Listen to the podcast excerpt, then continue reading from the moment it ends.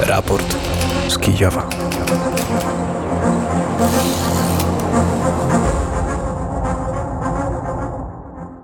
653 dzień rosyjskiej inwazji na Ukrainę, inwazji na pełną skalę w, w dziesiątym roku e, wojny. Wita się Paweł Bobołowicz. Naszą audycję realizuje Wojciech Piątek. W nocy i nad ranem ukraińskie siły obronne zestrzeliły 5 dronów i 14 pocisków manewrujących. W sumie rosyjskie wojska wystrzeliły na Ukrainę 7 dronów szturmowych Szachet, 6 rakiet S-300 i 19 pocisków manewrujących H-101 i H-555. Rosjanie wystrzelili rakiety w kierunku Pawłodaru w obwodzie dniepropietrowskim. Jedna osoba zginęła, cztery inne zostały ranne.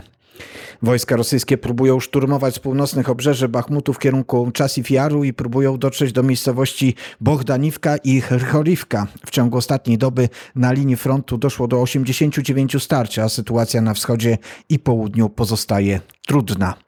Ukraina i Stany Zjednoczone podpisały memorandum o wspólnej produkcji broni i wymianie danych technicznych. W szczególności Stany Zjednoczone przekazały Ukrainie pakiet danych technicznych w celu rozpoczęcia produkcji sowieckich przeciwlotniczych systemów rakietowych. Ukraińskie przedsiębiorstwo kolejowe Ukry Zaleznica uruchomiła testowy pociąg kontenerowy załadowany 23 ukraińskimi ciężarówkami, które wcześniej zostały zablokowane przez strajk polskich przewoźników. Odprawa celna i graniczna ładunku odbywa się na kolejowym przejściu granicznym Izow-Chrubieszów. Mówiąc w skrócie, Ukraińcy w ten sposób omijają e, blokadę stworzoną przez e, pana Rafała Meklera i e, ruszają w stronę Ukrainy, do domu. Wiadomości przygotowała Daria Hordyjko, a my teraz od razu przenosimy się do Lwowa, gdzie chyba jest też Dmytro Antoniuk, ale łączymy się z Arturem Żakiem. Dzień dobry Arturze. Dzień dobry Pawle, kłaniam się nisko. Wiesz, czy już Dmytro dotarł do Lwowa, czy jeszcze nie? Y, sądząc po jego mediach społecznościowych, a mianowicie po zdjęciach, to niewątpliwie tak. Przed chwilą obserwowałem jego zdjęcie sprzed y, cerkwi wołoskiej w okolicach właśnie między innymi Arsenału, w okolicach ulicy Ruskiej, gdzie zaprezentował e, no bałwanka, jak go nazwał Alfem. Tylko nie wiem, czy to jest e, dzieło rąk jego, czy, e, czy też w inny sposób spędzał czas przed konferencją konferencją naukową.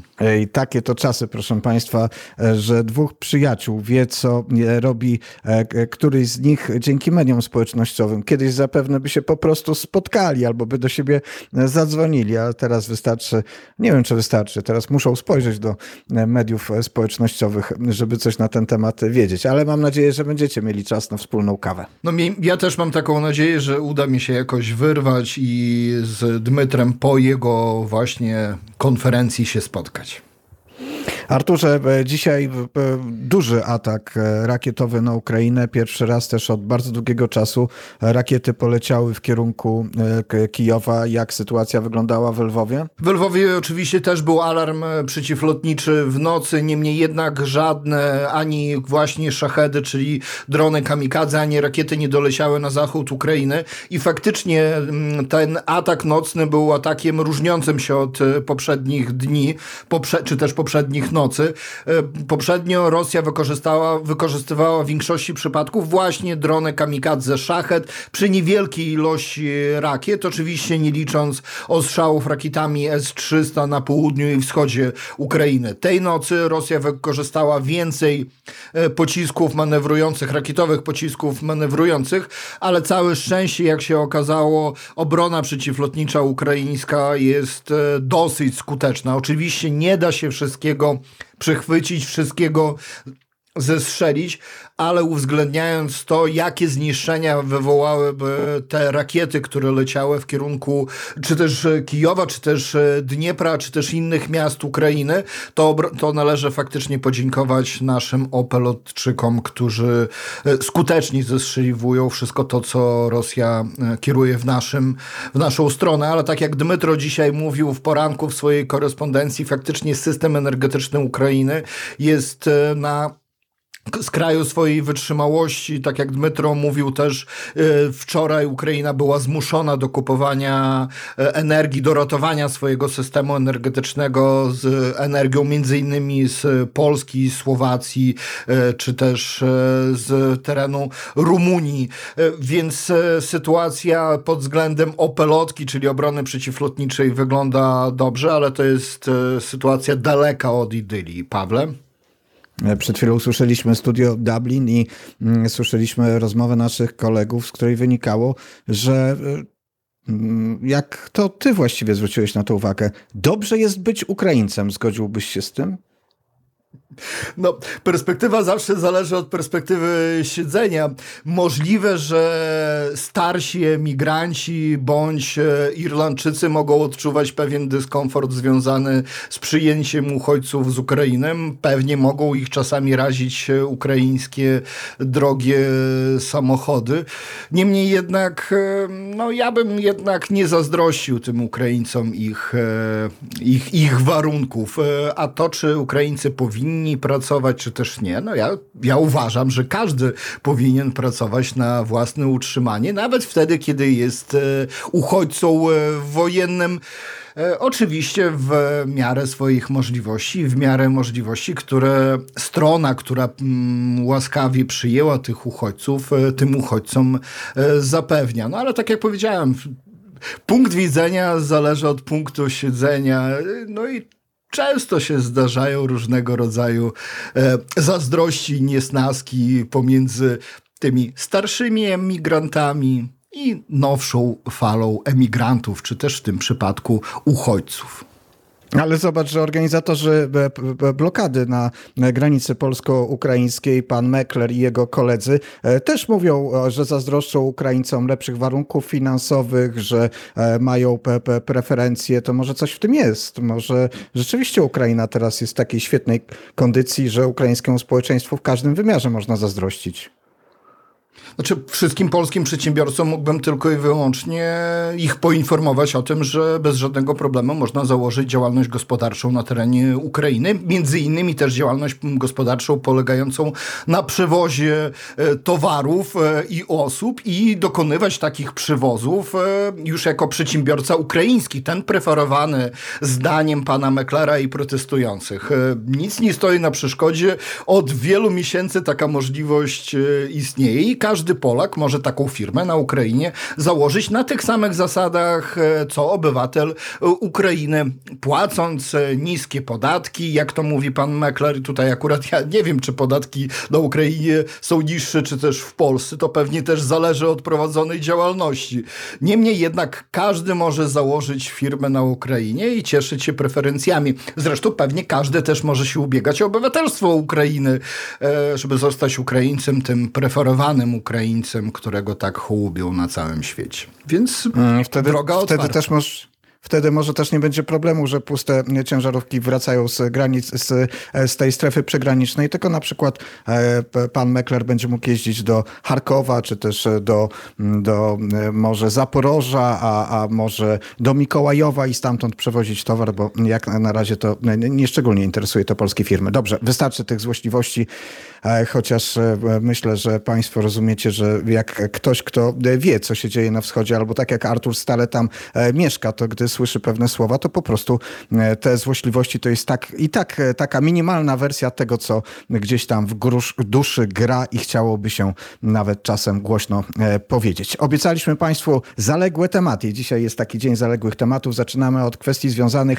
z tymi, z tym sporem, czy rzekomym sporem pomiędzy prezydentem Załużnym, a naczelnym dowódcą ukraińskiej armii generałem Walerijem Załużnym. Arturze. W rzeczy samej o pogarszaniu się relacji pomiędzy Zeleńskim a generałem Zalużnym mówi się od wielu miesięcy. Jednak dopiero kilka tygodni temu światowe media i zresztą ukraińskie media zaczęły publikować artykuły potwierdzające te informacje. Między innymi ukraińska Prawda napisała, że Zeleński rzekomo jest coraz bliżej decyzji o dymisji Zalużnego, a nasza redakcyjna koleżanka Daria Hordijko porozmawiała na ten temat ze współautorem artykułu, dziennikarzem ukraińskiej Prawdy Romanem Romaniukiem. Zapraszam serdecznie na rozmowę. Пане, про відносини президента Зеленського і Panie Головкома Romanie, Залужного zarówno zachodnie, дуже jak i багато ukraińskie останнім media часом ostatnio пишуть dużo і piszą o західні relacjach między проукраїнські prezydentem ЗМІ, Zeleńskim їх a називають generałem журналісти Załużnym. складними, Dziennikarze nazywają je szkodliwymi trudnymi, nawet materiałami strasznymi. ukraińskiej W artykule prawdy, ukraińskiej materiałie Prawdy, Pawła którego jest pan Wystawą, współautorem, pisze mówi się, że też, prezydent że komunikuje się z niektórymi prezydent dowódcami, nawet nawet kiedy pomijając Załużny Załużnego, spotykający co z niezwykle Zeleńskim komplikuje Komandyrem, dowodzenie zwyczajnie armią wygląda przez na naczelnego składnie dowódcę. A sam komendy Załużny armii, skarżył się a nawet sam szefowi Załużny Pentagonu na działania kancelarii prezydenta.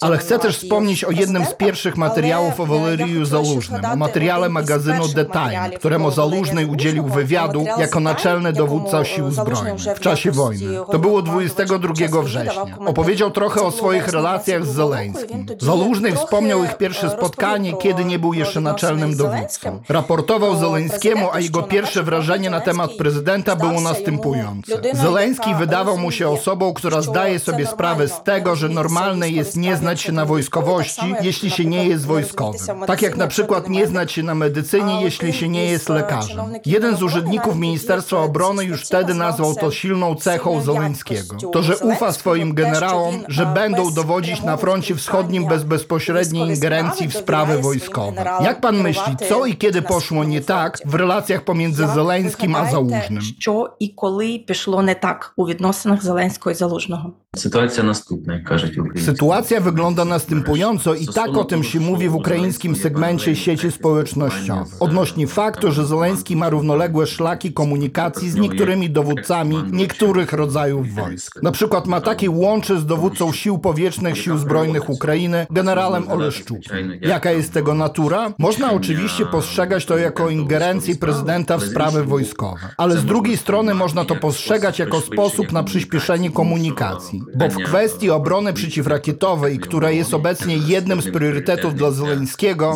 którym zajmuje się niemal 24 na 7 od ponad roku, a w której, wierzcie mi, jest chyba jednym z najlepszych ekspertów na świecie, w sensie, gdzie i jakie systemy są produkowane, gdzie działają, kto je ma, kto je może zdobyć, od kogo możemy pożyczyć lub poprosić o umieszczenie ich na Ukrainie na jakiś czas, na sezon, a następnie oddać. Tak, żeby się komunikować, negocjować z przywódcami różnych państw świata, potrzebujesz osobę, która będzie bezpośrednio korzystać z tych systemów, która wyśle ludzi na szkolenie, która określi, do jakich jednostek wojskowych te systemy trafią. Oczywiście można się zwrócić do generała Załużnego, a potem generał Załużny zwróci się do Oleszczuka. Albo Zeleński, jako zwierzchnik sił zbrojnych, od razu może się zwrócić do generała Oleszczuka i od razu z nim porozmawiać, zmniejszając liczbę pośredników w tej rozmowie. Taka jest natura tych równoległych kanałów komunikacji. To oczywiście może stresować Załużnego, nie jest jednak to sytuacja krytyczna, która uniemożliwia Ukrainie obronę.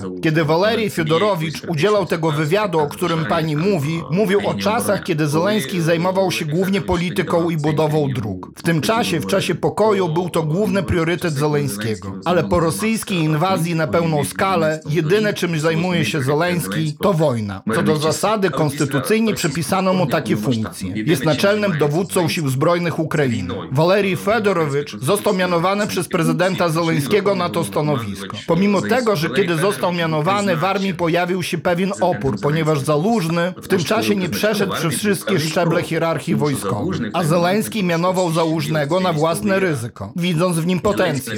Jedyną osobą, której podlega Załużny jest prezydent Zeleński. Jedynym, który może zwolnić Załużnego jest prezydent Zeleński. Konflikt jako taki między nimi w dziedzinie dowodzenia i kontroli nad armią lub wszystkim innym jest niemożliwy, ponieważ jeden jest podporządkowany drugiemu. Konflikt lub pewnym rodzaju napięcie jest możliwe w środowisku politycznym, ponieważ czy nam to się podoba, czy też nie, Zalużny przez prawie dwa lata wojny stał się fenomenem w rzeczywistości politycznej. Nie ma partii, zaplecza administracyjnego, zespołu technologów politycznych, nie ma nic, ale ukraińska demokracja okazała się nieustępliwa i ogólnie tak żywotna, że nawet w warunkach prowadzonej przez Rosję przeciwko Ukrainie wojnie totalnej, Ukraińcy i ukraińscy wyborcy szukają jakiegoś rodzaju zabezpieczenia przed ewentualną dyktaturą. Dlatego wraz z tym, że 80% ludzi ufa Zeleńskiemu, a także 90% ludzi ufa Zalużnemu, w rankingach nie zostały one opublikowane, ale zrobiono je niedawno temu, ranking prezydencki u Zeleńskiego wynosi 45%,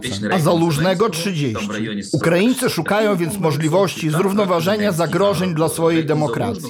W tym sektorze oczywiście istnieje między nimi możliwe napięcie, które może w jakiś sposób wpływać na ich osobiste relacje, ale napięcie między nimi jest globalne. Nie można powiedzieć, że jest osobiste. Ma taki globalny charakter wojskowo-polityczny. Але напруга між ними глобальна, вона не можна сказати, що вона особиста. Вона такого от е, військово-політичного характеру. Що зараз можна говорити про Co політичні możemy teraz амбіції powiedzieć o Залужного, politycznych оскільки ambicjach Залужnego? politycznych Nie zаяв wygłasza żadnych wobec, deklaracji ale politycznych, ale рейтинги jego notowania polityczne rosną. I to pomimo tego, że letnio-jesienna kontrofensywa nie przybiegła po myśli ukraińskiego społeczeństwa. Mimo to Ukraińcy nie obwiniają Залужnego, a jego popularność rośnie. тому що його popularność wzrostaje.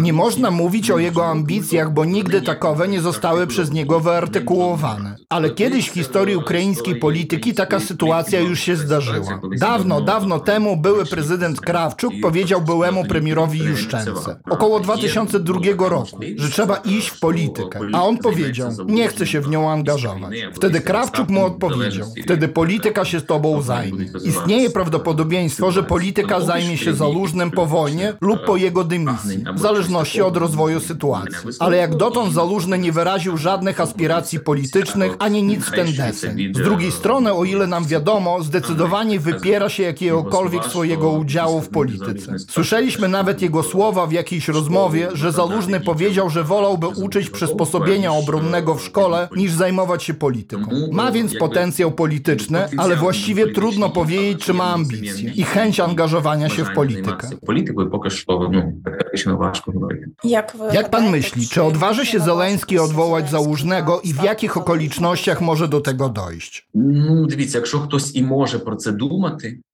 nawet jeśli ktoś się zastanawia nad zmianą naczelnego dowódcy, to tylko Zeleński. W jakich warunkach jest to możliwe? Trudno mi odpowiedzieć na takie pytanie, ponieważ tak jak mówiłem, ich konflikt nie ma charakteru osobistego. Jest mało prawdopodobne, aby zmiana personalna sprawiła, że problemy znikną. Dlatego liczę na jakiś konsensus społeczny, że przynajmniej nie dojdzie do szybkiej dymisji Zalużnego. Ale Wolodymyr Aleksandrowicz czasami potrafi przeprowadzić szybkie rotacje kadrowe w miejscach, w których nikt by się nie spodziewał.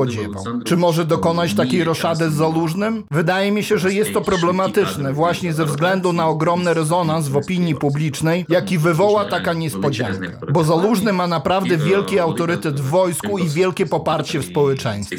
Ten konflikt, który jest teraz w takiej początkowej fazie, po nieoczekiwanej i źle zapowiedzianej dymisji, może się obrócić potężnym konfliktem społecznym. Dlatego mam nadzieję, że kancelaria prezydenta i sam prezydent wykażą się wystarczającą rozwagą самого президента вистачить якоїсь мудрості.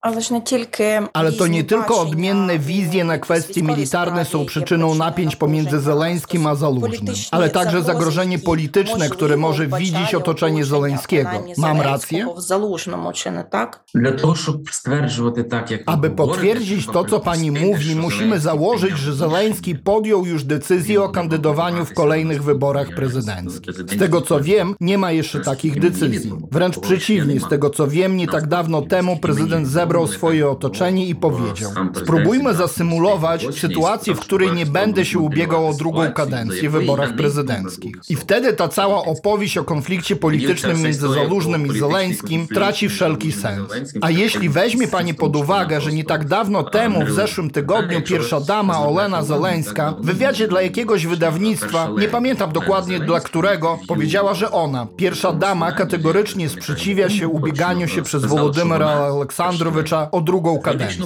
i żąda dotrzymania jego obietnicy wyborczej. Kiedy startował w wyborach prezydenckich, obiecał, że będzie sprawował tylko jedną kadencję. Ale ona w 2019 roku też była przeciwna jego kandydowaniu. Tak, ale wygłoszenie takiego oświadczenia w czasie wielkich napięć politycznych, które potem mają swoje konsekwencje, po których odbywają się pewne spotkania w kancelarii prezydenta, tak mówią nam, że nie ma ostatecznej decyzji. Dlatego nie wiem, czy Zoleński próbuje usunąć politycznego konkurenta. No, Ukraińska opozycja może sobie pozwolić na tego typu sformułowania. My, jako poważni dziennikarze, nie możemy posługiwać się plotkami i domysłami, bo nie mamy dowodów, że po pierwsze Zalużny wchodzi do polityki lub w jakikolwiek inny sposób w niej e, uczestniczy, a po drugie nie mamy pewności, że sam Zoleński będzie ubiegał się o urząd i po zakończeniu wojny będzie uczestniczył aktywnie w polityce. Після закінчення війни. A всі ці розмови Czy te rozmowy o napięciach pomiędzy Zeleńskim a Zalużnym mogą mieć swój wpływ na poparcie dla Ukrainy przez zachodnich partnerów? Західних партнерів. У нас була ця дискусія, теж ми для себе намагалися. Dyskutowaliśmy na ten І temat. Staraliśmy się очевидно, що ті, zrozumieć. хто I doszliśmy готові do wniosku, że ci, підтримувати którzy są gotowi Україну, wspierać продовжують Ukrainę, підтримувати będą ją незалежних nadal персонажів. wspierać, niezależnie od Вони osobistości. підтримують не Bo nie Зеленського, popierają Залужного, Zeleńskiego czy też Zalużnego, ale wspierają walkę narodu ukraińskiego przeciwko niczym niesprowokowanej i pełnoskalowej rosyjskiej inwazji. A ci, którzy nie są gotowi wspierać Ukraińców, tacy jak Orban czy dobrodziej Fico ze Słowacji, w zasadzie nie dbają o to, jakich argumentów użyć, aby argumentować to, że nie wspierają Ukrainy. Gdyby nie było napięć pomiędzy Zeleńskim a Zalużnym, stanowisko Orbana opierałoby się na innych wątkach. Nie chodzi więc o to, czy mają argumenty, czy też nie. Pytanie brzmi, czy mają ochotę nam pomóc. Oczywiście nie mają takiego pragnienia i cokolwiek my tu robimy, to i tak znajdą sposób, by usprawiedliwić swoją niechęć. Jesteśmy wdzięczni na przykład Polakom za poziom wsparcia, którego udzielili i nadal udzielają, i to pomimo napięć napięć politycznych na granicy, czy w jakichś innych historiach. W zasadzie dla polskiego rządu i dla Polaków nie jest ważne, czy będzie Zeleński, czy też Zalużny. Wsparcie ma zupełnie inny charakter.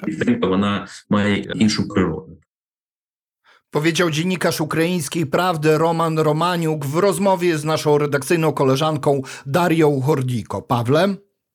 Darii, bardzo serdecznie dziękujemy za tę e, rozmowę, a tobie za e, tłumaczenie i e, lektora do tej rozmowy. Arturze, to ten czas, kiedy wreszcie możesz opowiedzieć historię Ili Kiwy, człowieka, który zginął e, w 6 grudnia tego roku. Został znaleziony martwy w podmoskiewskim Odincowie i wszystko wygląda na, czy wygląda na to, że za jego śmiercią stoją służby specjalne Ukrainy.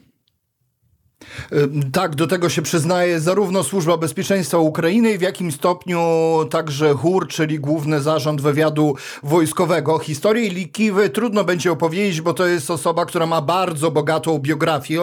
Przez ostatnie 10 lat był osobą bardzo ważną w ukraińskiej e, polityce. Zaczynał jako w Połtawie wiceszef em, Urzędu Ochrony Konsumentów za korupcyjne schematy został skazany prawomocnym wyrokiem sądu. Nie poszedł do więzienia to dlatego, że dostał drugą grupę inwalidzką z powodu psychopatyzacji e, osobowości, ale później zrobił zawrotną karierę kandydując e, z początku z partii regionów w wyborach parlamentarnych jako techniczny kandydat, a później po rewolucji godności e, dołączył się do prawego sektoru. Później przez e, Awakowa, ministra spraw wewnętrznych Ukrainy, dostał majora i został e, policjantem. Wtedy jeszcze milicjantem i w Połtawie stworzył, dostał polecenie stworzenia batalionu ochotniczego, który został wprowadzony do Mariupola, ale bardzo szybko się rozwiązał to dlatego, że żołnierze odmówili posłuszeństwa e, dowódcy. Był często oskarżany o między innymi przemyt na tereny okupowane, a także był oskarżany między innymi o maruderstwa. Kariera jednak w, w ukraińskich organach po rewolucji godności szła u niego bardzo szybko, bo bardzo szybko dorobił się e, między innymi podpułkownika, został szefem tak naprawdę nowo stworzonej struktury walki z narkotykami. Niemniej jednak e, później podał się do dymisji, poszedł e, ze stanowiska i bardzo szybko dokonał e, totalnej zmiany, bo został szefem partii socjalistycznej, a później głównym pitbullem partii Medweczuka, czyli główną osobą, która walczyła z faszyzmem, nazizmem ukraińskim, organizowała bojówki między innymi e, partii regionów, zjawiała się w mediach rosyjskich, a tuż przed pełnoskalową wojną e, uciekł przez Hiszpanię do Federacji Rosyjskiej i tam praktycznie codziennie uczestniczył w e, tych godzinach nienawiści na rosyjskich kanałach. Miał nawet swój e, program na programie ogólnorosyjskim NTW, gdzie pokazywał w jaki sposób e, ukraińskie państwo upadnie. Ale tutaj chciałem Państwu tylko zaprezentować trzy wypowiedzi z licznych wypowiedzi, które się zjawiały na temat relacji polsko-ukraińskich, które artykułował Ilia Kiwa. Polak nigdy nie pokocha Ukraińca, a Ukrainiec nigdy nie pokocha Polaka z jednego prostego powodu. Mamy zbyt krwawą historię. Chcę wam powiedzieć, że wewnątrz Ukrainy wybuchnie ten ropiący ropień nienawiści i sprzeczności, ponieważ oczywiście wiele osób nie zgadza się nikomu niczego oddawać.